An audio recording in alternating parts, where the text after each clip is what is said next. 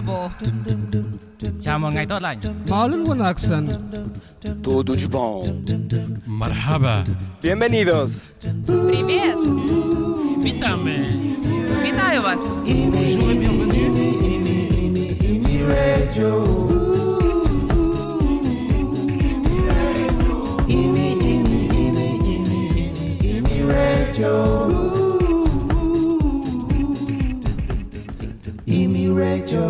MAR Międzykulturowa Akademia Radiowa w IMI Radio.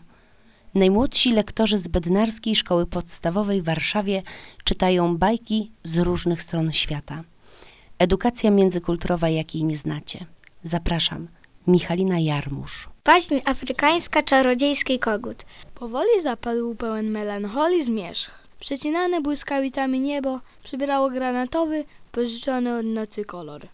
W mieście nawiedzanym przez pomruki grzmotów, pełen bliski śmierci starzec wezwał swojego jedynego syna i tak do niego rzekł. Posłuchaj mnie uważnie, moje dziecko. Wkrótce cię opuszczę, żeby dołączyć do naszych przodków. Ale nie zapomniałem o tobie. Zostawię ci białego koguta, tego, któremu mój ojciec zawdzięczał fortunę. Tobie także zapewni bogactwo. Będziesz mógł żyć w dostatku i rozdawać jałmużnę biedakom. To nie jest zwyczajny kogut, jakich pełno we wszystkich kurnikach. Od wielu pokoleń przekazywany jest ojca na syna. Dbaj o niego i pamiętaj, żeby go dobrze pilnować. Po śmierci ojca syn wyprawił mu wspaniały pogrzeb, na który zaprosił rodzinę oraz przyjaciół.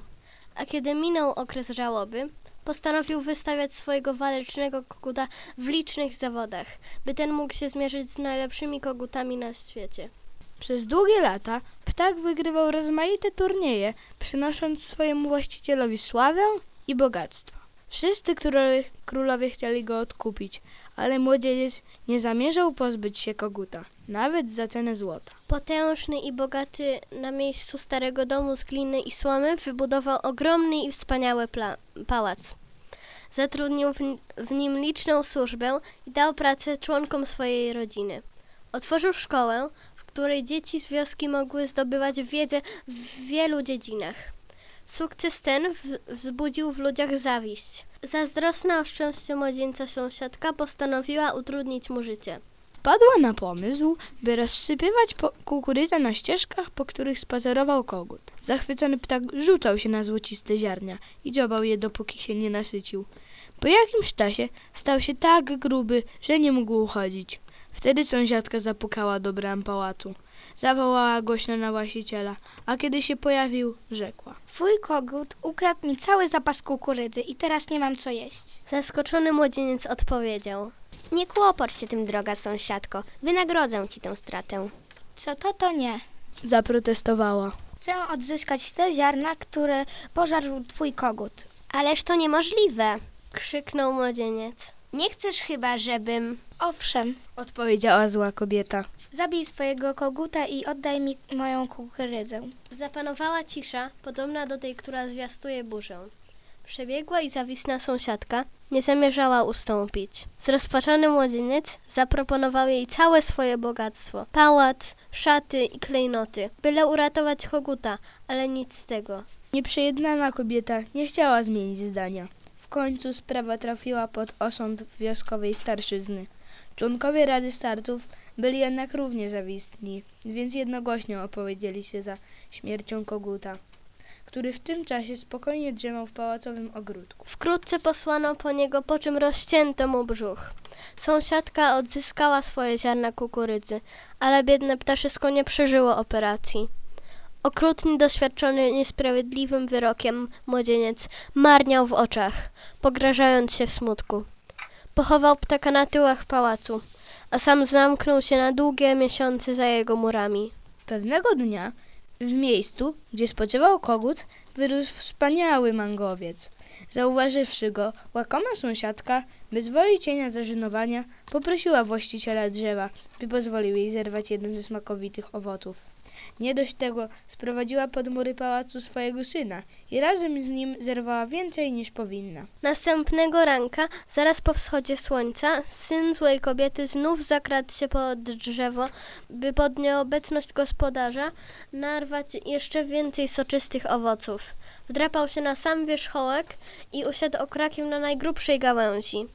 Wybierał najbardziej dojrzałe owoce. Zjadał je łapczywie, a skórkę i pestki wypluwał na ziemię. Był tak zajęty, że nie zauważył właściciela wracającego ze spaceru. Sposzył się dopiero wtedy, gdy przez nieuwagę strącił jeden z owoców prosto na jego głowę. Rozwścieczony i pragnący zemsty młodzieniec uderzył w gong. Zwołał wszystkich mieszkańców wioski i groźnym tonem oznajmił. Ten, który zjadł owoce z mojego drzewa, musi mi je oddać. Zgromadzeni pod mangowcem ludzie przyznali mu rację. Na wieść o tym przybiegła matka i Lisponia i rzekła. W porządku, oddam ci twoje owoce. Ale właściciel ogrodu, mając w pamięci niepotrzebną śmierć swojego koguta, tak jej odparł. Kobieto, skoro przed laty sprawiedliwość opowiedziała się po twojej stronie, teraz niech będzie po mojej. Domagam się owoców, które zjadł twój syn. Starszyzna wioski uznała, że ma prawo tego żądać. Kobieta błagała swego sąsiada o litość. Obiecywała, że odda wszystko, co posiada, w zamian za życie syna. Łakomczuch miał bowiem podzielić los nieszczęsnego ptaka, jednak wspaniałomyślny młodzieniec oznajmił płaczącej kobiecie i jej synowi, że przebacza im kradzież, podobnie jak wszystkie inne niegodziwości, po czym oddalił się i zamknął za, sobą bramy pałacu. Zdumiona kobieta bardzo się zawstydziła, bo zrozumiała, że syn zawdzięcza temu człowiekowi życie. Zawodząc, błagała niebo, by wybaczyło jej zawiść i złe uczynki popełnione w przeszłości. Los dał jej bolesną nauczkę, dzięki której przekonała się, że nienawiść niszczy tego, kto ją żywi wobec innych. Nazajutrz, po tym wydarzeniu, na mangowcu pojawiły się złote owoce. Powiadają, że drzewo rodzi je nadal. Baśń afrykańską Czarodziejski kogut czytały dzieci z Bednarskiej Szkoły Podstawowej w Warszawie. Natalii Zaborowski-Longhurst, Jan Krajewski, Szymon Siwko, Lena Traczyk i Pola Gerkę-Koryzma.